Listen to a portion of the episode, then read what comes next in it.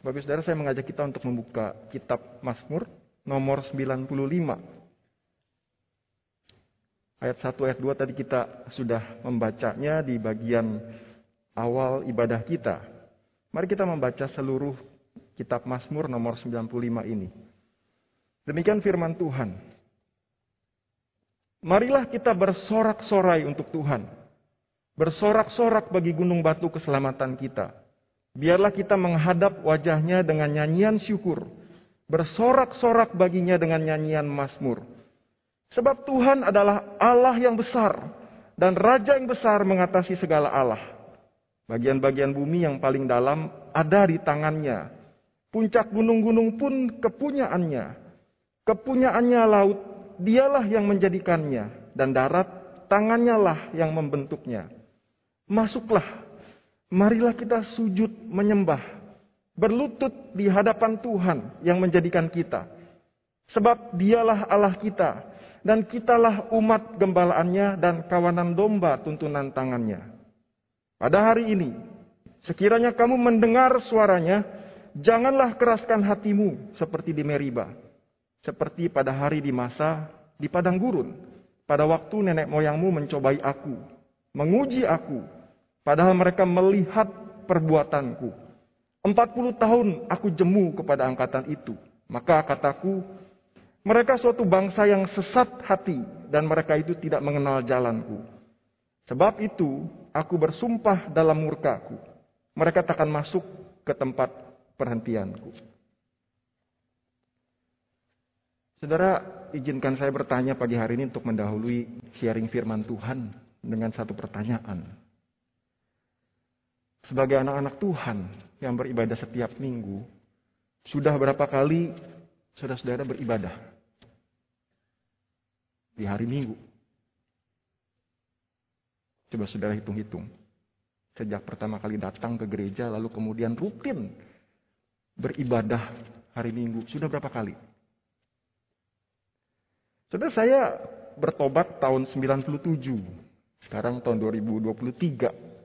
Tapi kalau mau dipukul rata, kira-kira 25 tahun saya sudah ber, saya sudah beribadah. Artinya selama 25 tahun itu saya sudah dikali 52 minggu setahun 1300 kali. Wah itu angka yang banyak ya. 1300 kali sudah saya ada di kursi sebagai jemaat, duduk beribadah, bernyanyi bagi Tuhan, mendengarkan firman Tuhan. 1300 kali. Buat Bapak Saudara yang sudah lama, lebih lama usia pertobatannya itu mungkin 2000 kali, 3000 kali. Sangat banyak sekali angka yang sangat spektakuler Bapak Ibu Saudara. 1300 kali sampai karena begitu seringnya saya ibadah setiap hari Minggu. Kadangkala bernyanyi karena lagunya sudah familiar. Saya menyanyi aja, autopilot. Tanpa saya meresapi kata-katanya. Betapa luar biasanya Tuhan. Betapa kasihnya besar kepada saya kepada kita. Itu sekedar kata-kata yang diucapkan keluar begitu saja, tapi gak ada hubungannya dengan saya. Autopilot. Kadang-kadang juga kalau mau jujur, aku dosa. Bernyanyi seadanya tanpa melibatkan perasaan. Tanpa melibatkan pikiran. Dan cukup sering, kalau bukan makin lama beribadah, makin pintar melihat apakah ada satu kesalahan dalam ibadah, lalu saya terusik. Karena worship leadernya atau liturgosnya kurang baik memimpin. Lalu juga mungkin, ini lagunya kayaknya kurang cocok untuk tema hari ini. Lalu juga mungkin kuping ini sangat peka sehingga ketika mendengar ada satu nada yang dimainkan salah oleh pemusik, terganggu Bapak Ibu Saudara. Belum lagi kalau melihat pengkhotbahnya, kok penyampainya monoton ya? Kok kurang berisi ya hari ini ya? Dibandingkan dengan si bapak itu atau si ibu itu, kok kayaknya, nah hari ini nggak dapet di dalam ibadah. Saudara saya setuju, tentu jika ada hal-hal yang bisa diperbaiki supaya ibadah berjalan lebih baik, bisa lebih menyenangkan hati Tuhan, sudah pasti harus diusahakan. Tetapi jika kita menghadiri ibadah sekedar ingin mendapatkan pelayanan yang sesuai dengan harapan kita, maka dengan menyesal harus dikatakan itu mirip seperti kita datang ke bioskop dan nonton film, Bapak Saudara. Ternyata film yang saya tonton tidak sebagus yang saya harapkan. Padahal saya sudah bayar tiket. Sudah habiskan waktu juga. Saya penggemar film Bapak Ibu Saudara. Dulu nggak ada Netflix, nggak ada Disney Hotstar. Jadi nontonnya ya di bioskop. Dan semakin sering saya nonton film, semakin saya kritis untuk menilai film ini bagus atau tidak. Alur ceritanya bagaimana, apa yang kurang, sutradaranya siapa, kenapa begini, kenapa begitu. Saudara, kritik sana, kritik sini. Padahal ibadah utamanya bukanlah seperti nonton film di bioskop untuk dikritik. Karena ibadah yang sesungguhnya adalah untuk meresponi panggilan Allah. Allah yang memanggil kita. Allah yang mengutus anaknya. Allah yang pencipta isi dunia ini. Allah yang melibatkan kita menjadi rekan kerjanya. Dia mengundang kita, memanggil kita untuk datang beribadah. Bukan orang lain. Bukan instrumen. Bukan gedung ini. Tapi Allah sendiri memanggil kita untuk datang. Meresponi panggilannya untuk beribadah. Nah, Bapak Ibu Saudara, biarlah Mazmur 95 yang tadi kita baca. Menolong kita pagi hari ini. Kalau kita sudah beribadah dengan benar di hadapan Tuhan. Itu mengkonfirmasi dan meneguhkan. Supaya kita terus setia beribadah. Dengan benar di hadapan Tuhan. Tapi bagi kita yang mungkin belum setia, belum benar beribadah. Biarlah itu mengevaluasi kita dan firman Tuhan menolong kita untuk beribadah dengan benar di hadapan Tuhan. Saudara Mazmur 95 ini termasuk di dalam kategori Royal Psalms. Mazmur Raja. Mazmur Raja berarti Mazmur yang dinaikkan atau dipujian karena Allah yang besar itu harus dihormati sebagai raja oleh umatnya. Orang-orang yang hidup di sepanjang zaman kerajaan sangat mengerti bagaimana mereka harus bersikap ketika berhadapan dengan raja yang secara status pasti di atas mereka, bahkan jauh di atas mereka. Sebagai contoh, saudara-saudara kalau nonton suka nonton film silat ya, kalau ada titah raja datang kepada seorang pendekar atau kepada seorang rakyat biasa, yang mereka lakukan apa biasanya? Menggebaskan debu mereka dari pakaian mereka lalu berlutut dan menerima dengan sikap yang sangat hormat. Sampai hari ini pun kita bisa melihat itu ketika rakyat Jepang bertemu dengan kaisarnya. Atau yang paling mungkin lebih sering kita saksikan ketika orang Inggris yang diatur secara protokoler di dalam undang-undang pemerintahan pemerintah Inggris. Mereka pasti harus membungkukkan badan dan kemudian berkata, Your Highness, ketika mereka bertemu dengan raja dan ratu mereka, Bapak Ibu Saudara. Nah, di dalam kebiasaan orang Israel, kita pakai contoh Raja Daud, seorang raja. Di dalam 2 Samuel ayat 6 sampai 12 14, ketika Daud mengangkat tabut Tuhan yang adalah lambang kehadiran Tuhan sendiri. Di sana dicatat Daud pergi mengangkut tabut Tuhan tabut Allah itu dari rumah Obed Edom ke kota Daud dengan sukacita. Apabila pengangkat-pengangkat tabut Tuhan itu melangkah maju enam langkah, setiap enam langkah, maka ia mengorbankan seekor lembu dan seekor anak lembu gemukan. Dan Daud menari-nari di hadapan Tuhan dengan sekuat tenaga. Ia berbaju efod dari kain lenan. Sudah di hadapan Tuhan. Ketika Daud tahu ada hadirat Tuhan di sana. Ia bersuka cita. Di hadapan Tuhan, Daud mempersembahkan sebisa yang dapat ia persembahkan. Bahkan setiap enam langkah, itu jarak yang cukup jauh. Berapa banyak yang harus dia persembahkan. Di hadapan Tuhan, Daud menari-nari dengan sekuat tenaga. Itu tarian seperti apa saya nggak bisa bayangin. Karena kemudian ada orang yang mengomentari tariannya. Tarian yang tidak biasa. Kita di gereja Injili kita jarang melihat orang secara berkelompok besar mengangkat tangan ketika memuji Tuhan ya. Apalagi waktu pertama kali ada orang yang melakukan itu. Itu mungkin jadi hal yang, wah ini kok nggak biasa ya, dia dari aliran mana nih? Bapak saudara, di hadapan Tuhan, Daud juga mengenakan pakaian yang layak untuk menyembah. Ini kelihatannya sifatnya uh, yang kelihatan gitu ya. Kok tidak ngomongin tentang yang di dalam, yang lebih penting tentang hati. Sebentar Bapak Saudara. Saya percaya Daud tidak sedang memberikan tontonan yang spektakuler demi dikagumi oleh rakyat atau orang-orang yang kebetulan lewat di situ dan menyaksikan apa yang Daud lakukan. Pasti bukan itu tujuannya. Karena yang mengomentari yang tadi saya sebut itu adalah istrinya sendiri yang justru mencela sikap Daud yang kok dia merendahkan martabatnya sebagai seorang raja ya. Istrinya mencela kelakuan Daud.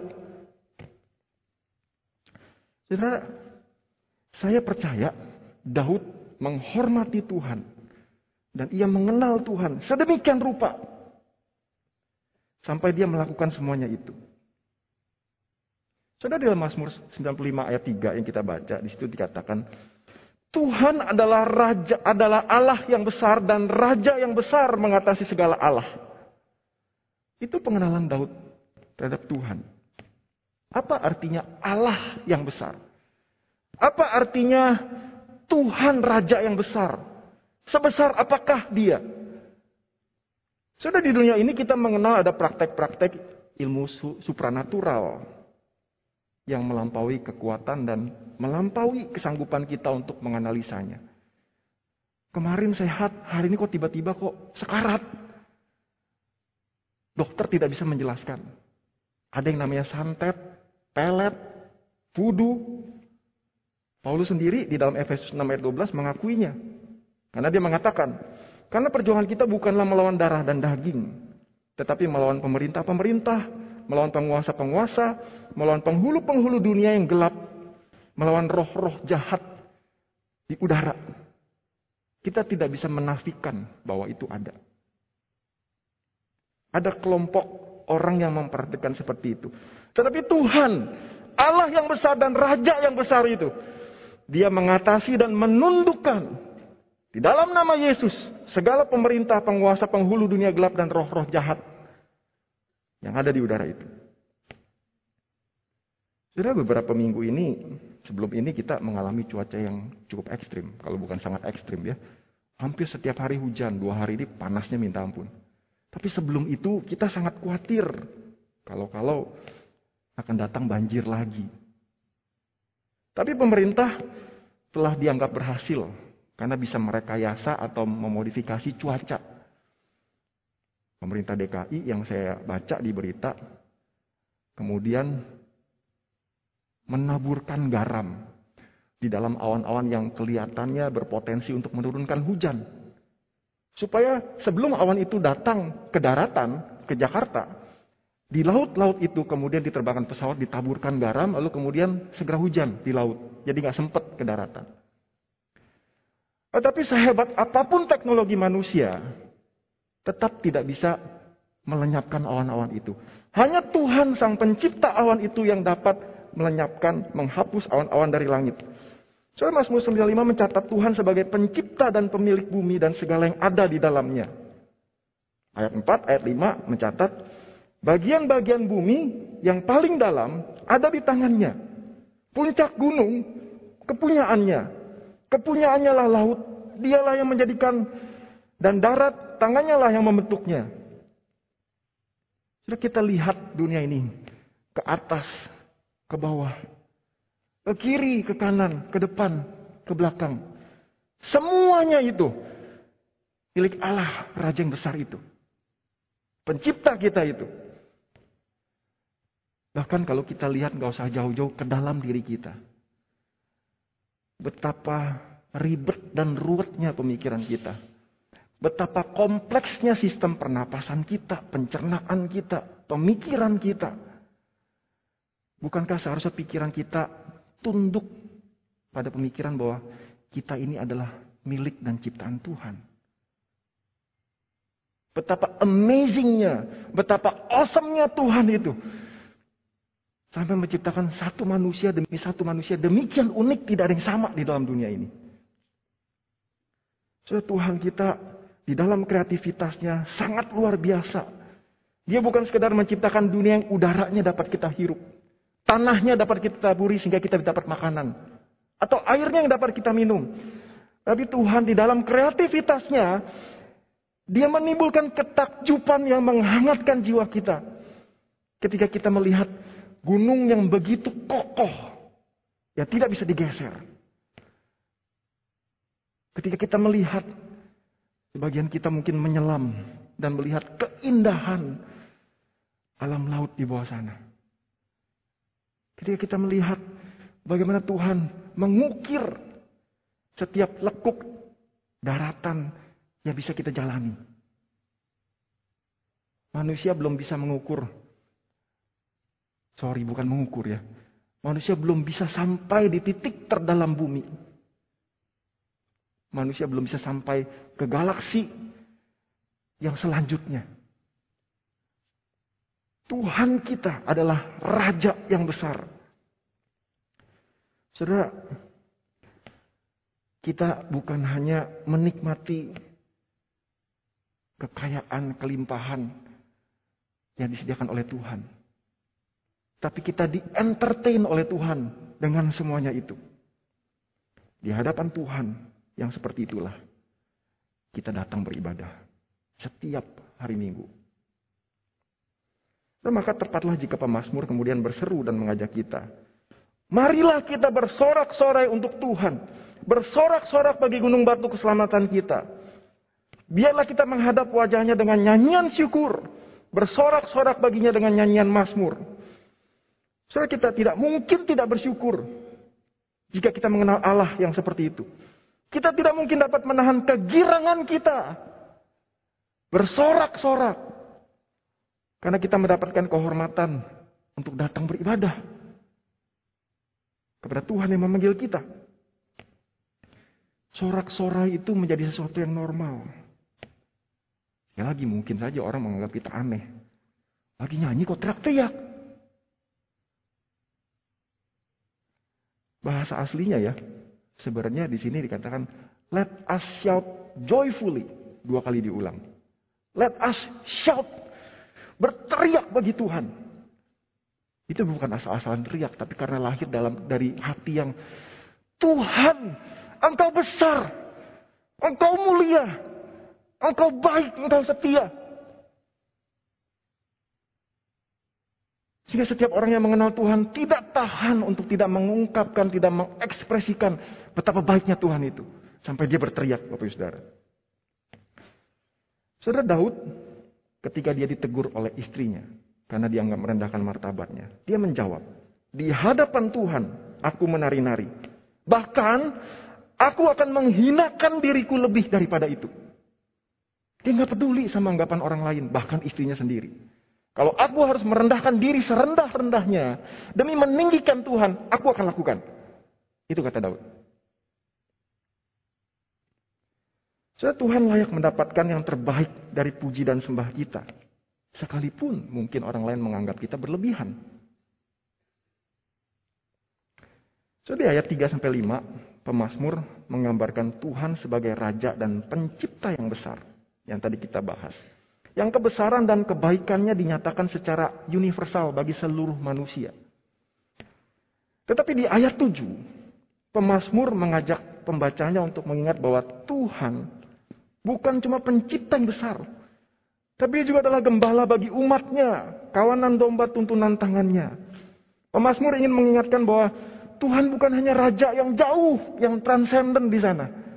Tapi Tuhan juga adalah Allah yang imanen, yang dekat, yang membangun relasi dengan umatnya, dengan domba-domba peliharaannya, dengan domba-domba yang dituntunannya, secara personal, secara pribadi, satu pribadi demi satu pribadi.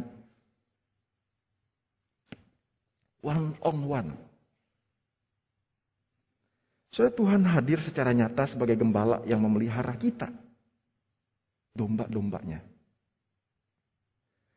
Daud ketika diragukan Saul, ketika Daud memberanikan diri untuk berperang melawan Goliat, dia berkata, Hambamu ini biasa menggembalakan kambing domba ayahnya. Apabila datang singa atau beruang yang menerkam seekor domba dari kawanannya, maka aku akan mengejarnya, menghajarnya, dan melepaskan domba itu dari mulutnya. Saudara, domba, saudara waktu itu Daud ada seorang gembala yang masih sangat muda dan saya bayang saya bayangin perawakannya tidak besar karena dia masih seorang remaja. Tapi soal sebagai seorang gembala yang baik, dia rela walaupun taruhan nyawanya berkorban bagi domba-domba hewan. Sudah gambaran Tuhan sebagai gembala, saya yakin jauh melampaui Daud.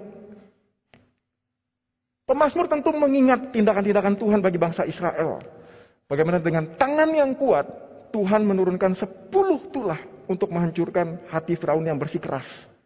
Karena tidak mau melepaskan orang Israel untuk beribadah kepada Tuhan. Bagaimana kehadiran Tuhan melalui tiang awan dan tiang api yang bukan hanya menyatakan pimpinannya, tapi juga menghalangi pasukan Mesir yang hendak mengejar orang Israel. Tuhan menghalangi lewat kehadirannya. Bagaimana Tuhan dengan kedahsyatan kuasanya membelah laut teberau. Sehingga membuat permukaan air yang basah itu menjadi kering. Dilewati oleh Dua juta orang Israel dengan tembok air di kanan dan di kiri. Itu yang dilakukan Tuhan sebagai gembala yang memelihara orang Israel. Belum sampai di situ. Bagaimana Tuhan memberikan air dari gunung batu horeb yang keras dan kering. Hanya dengan dipukul. Dan air itu tidak berhenti. Untuk memberi minum dua juta orang Israel. Menerbangkan burung puyuh di tengah-tengah padang gurun itu fenomena yang tidak pernah terjadi. Tidak ada burung yang mau melintasi padang gurun, apalagi burung puyuh. Tapi Tuhan mengirimkannya. Sudah perbuatan-perbuatan yang tidak mungkin sanggup dilakukan oleh siapa pun atau apa pun.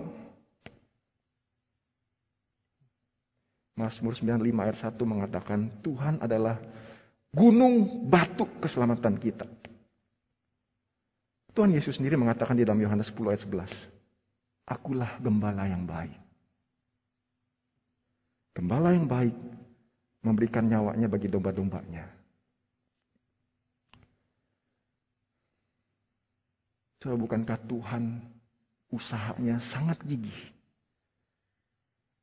ketika kita menjadi domba yang tersesat? Dia dengan gigih mengejar kita. Untuk membuat kita menjadi domba kesayangannya. Sudah bukan asal-asalan ketika Tuhan menganalogikan kita seperti domba. Saudara saya pernah baca satu buku gambaran tentang domba. Domba itu bukan predator atau pemangsa. Sehingga ia tidak dapat membela dirinya.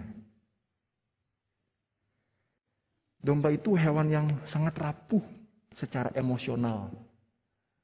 Cengeng, gampang depresi, dan kuatiran Bapak Ibu Saudara. Apalagi ketika melihat teman-temannya sesama domba mati. Wah bisa stres dia. Lebih dari manusia. Dan domba itu juga hewan yang bodoh. Di buku itu ceritakan begini. Ada lima domba. Di depan dikasih penghalang. Domba yang pertama lompat, Domba yang kedua lompat. Domba yang ketiga, rintangannya ditarik. Domba yang ketiga, keempat, kelima, tetap lompat Bapak Ibu Saudara. Itu gambaran tentang domba. Belum lagi domba itu kalau kita lihat di dalam gambaran cerita Alkitab. Tidak pernah domba itu membawa beban. Kalau keledai iya, kuda iya. Kenapa? Karena domba secara fisik lemah Bapak Ibu Saudara.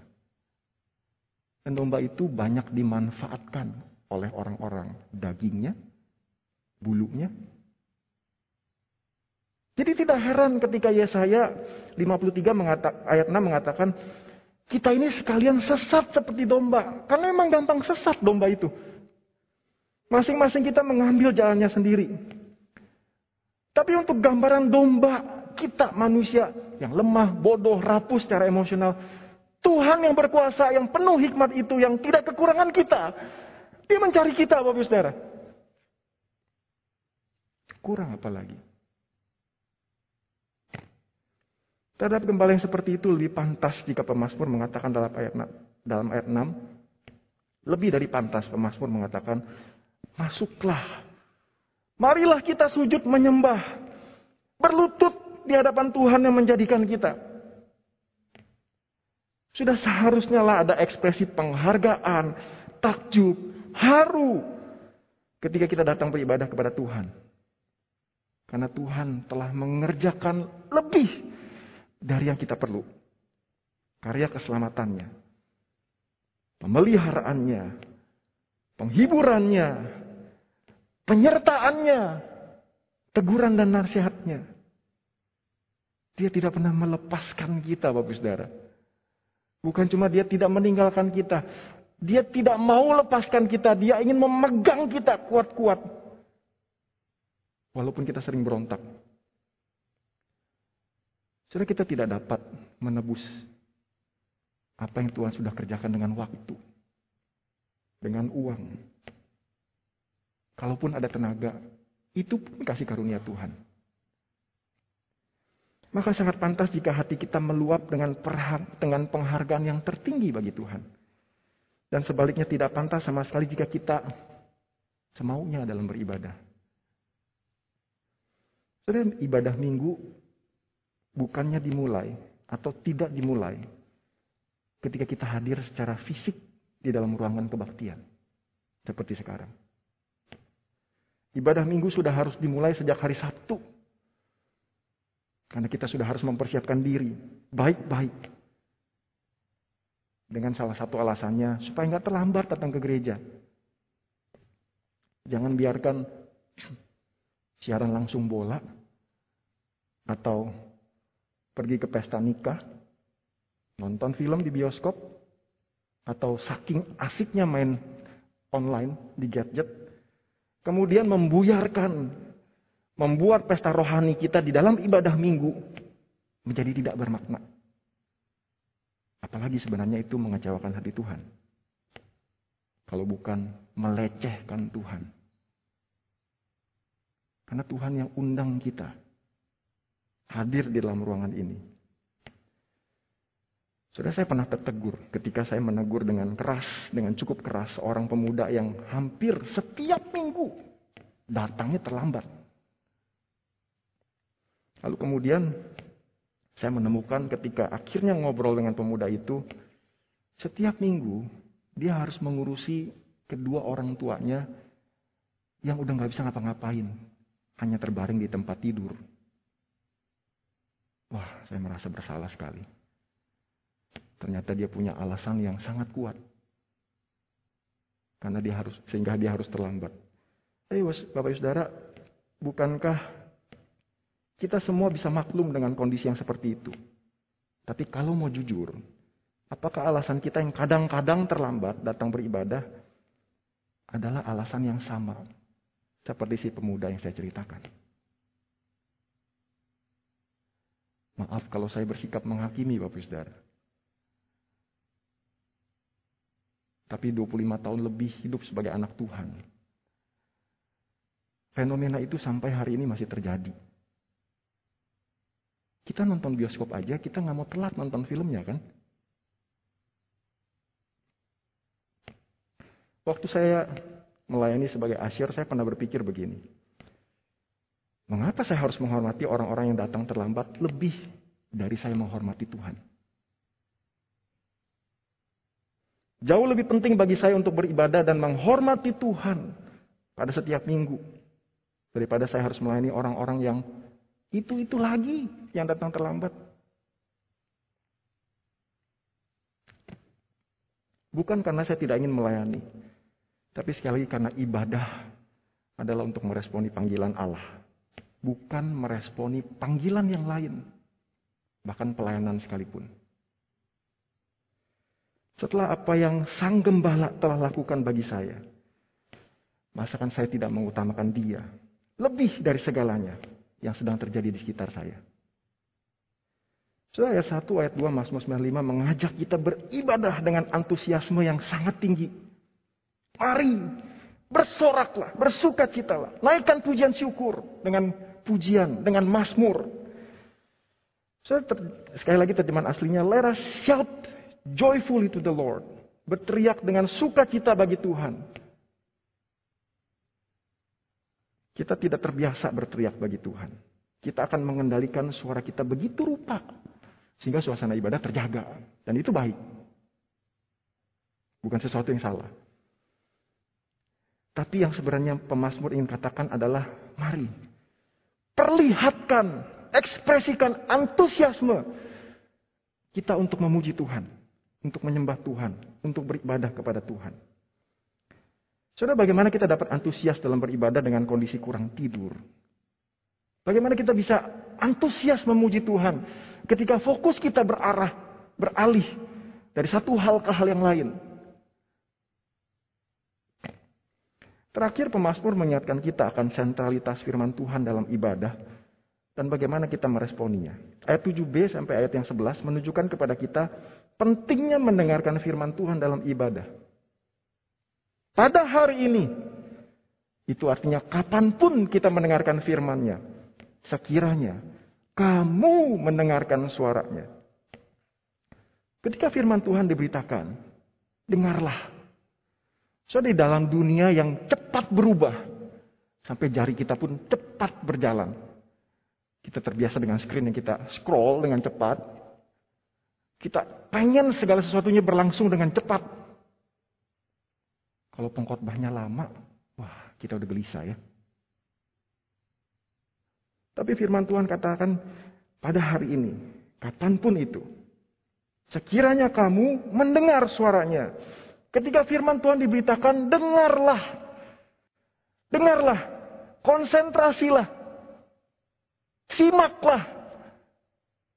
Bahasa Inggris itu menggunakan dua kata untuk mendengar ya. Satu hear, satu lagi listen. Hear itu seperti mendengar, seperti kebetulan mendengar. Gak masuk ke dalam pikiran, gak masuk ke dalam hati. Tapi listen membutuhkan perhatian, fokus. Sehingga mengerti apa yang kita dengar. Bukan cuma dengan pikiran, tapi itu mempengaruhi emosi kita, mempengaruhi hati kita. Soalnya kita tidak dapat mendengar suara Tuhan sambil melihat screen, apalagi sambil texting. Gak bisa. Kita tidak bisa fokus mendengarkan Tuhan yang suaranya tidak secara audible kita dengar. Karena Tuhan berbicara melalui banyak hal termasuk pengkhotbah. Kita tidak bisa mendengarkan itu. Ketika perhatian kita fokus kita tertuju pada screen yang menunjukkan saham saya naik atau turun hari ini ya. Gak bisa saudara.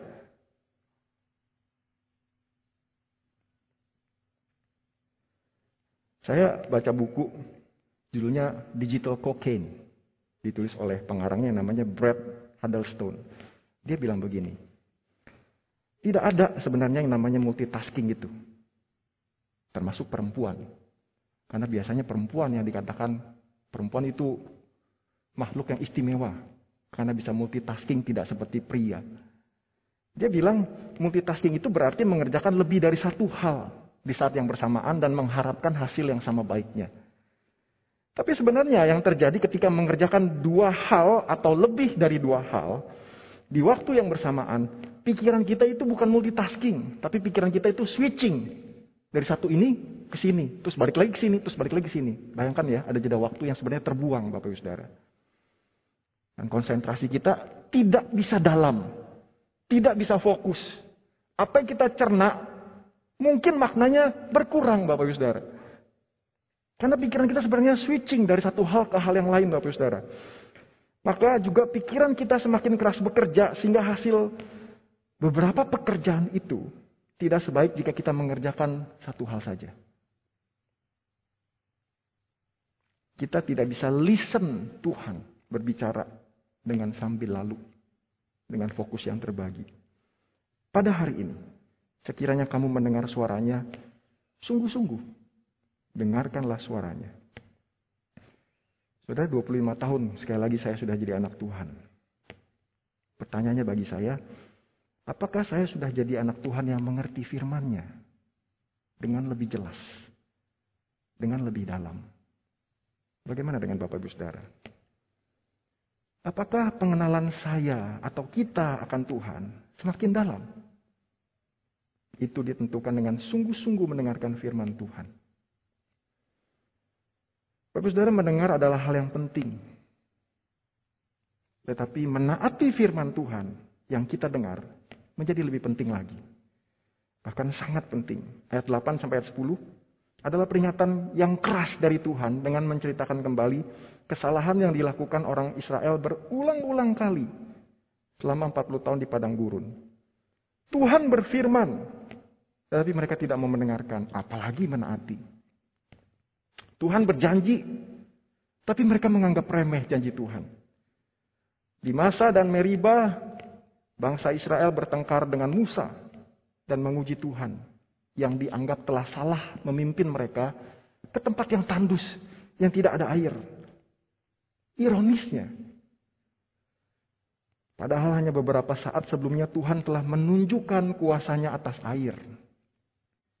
Air laut dibelah Tuhan.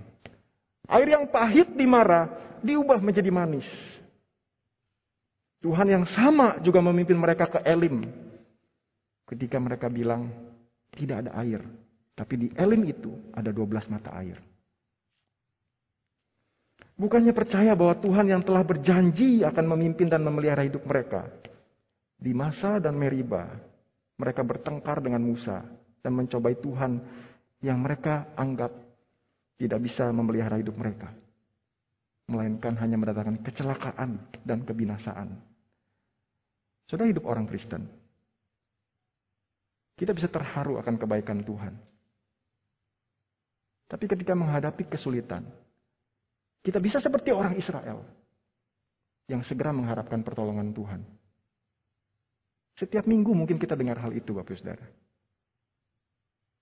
Oleh karena itu setiap minggu kita dengar, kita perlu dengarkan firman Tuhan. Bukan setiap minggu doang ya, setiap hari.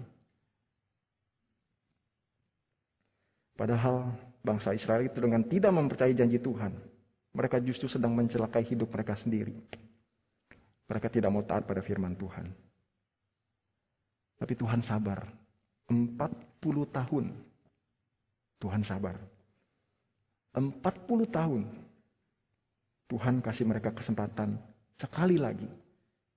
Sekali lagi. Sekali lagi. Hari ini sekali lagi.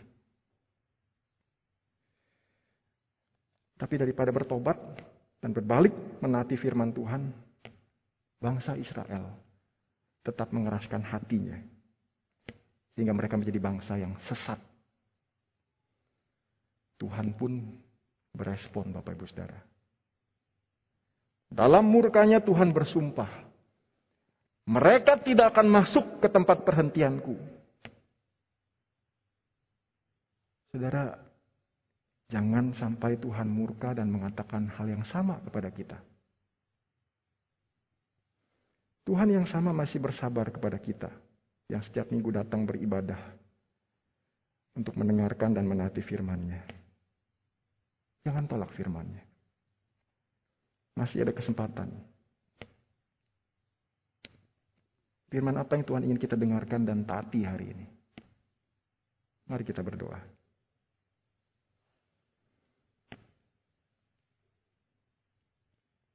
Tuhan firman-Mu sudah kami baca dan kami renungkan. Bila kami bawa pulang firman Tuhan. Dengan dua pertanyaan bagi diri kami. Tuhan apakah engkau berkenan atas ibadah kami Tuhan? Apakah, apakah ibadah yang selama ini kami jalani setiap hari minggu itu menyenangkan hati Tuhan? Atau sebenarnya kami sedang melecehkan Tuhan? Dan hal yang kedua Tuhan, Tolong tunjukkan kepada kami apa yang harus kami perbaiki, kami usahakan, sehingga ibadah kami memperkenankan, menyenangkan hati Tuhan. Kami tidak punya modal untuk membuat kami menjadi orang-orang yang beribadah dengan lebih baik kepada Tuhan. Tapi dengan pertolongan Allah Tritunggal, kami yakin Tuhan, kami bisa. Tolong kami Tuhan. Di dalam nama Tuhan Yesus kami berdoa. Amin.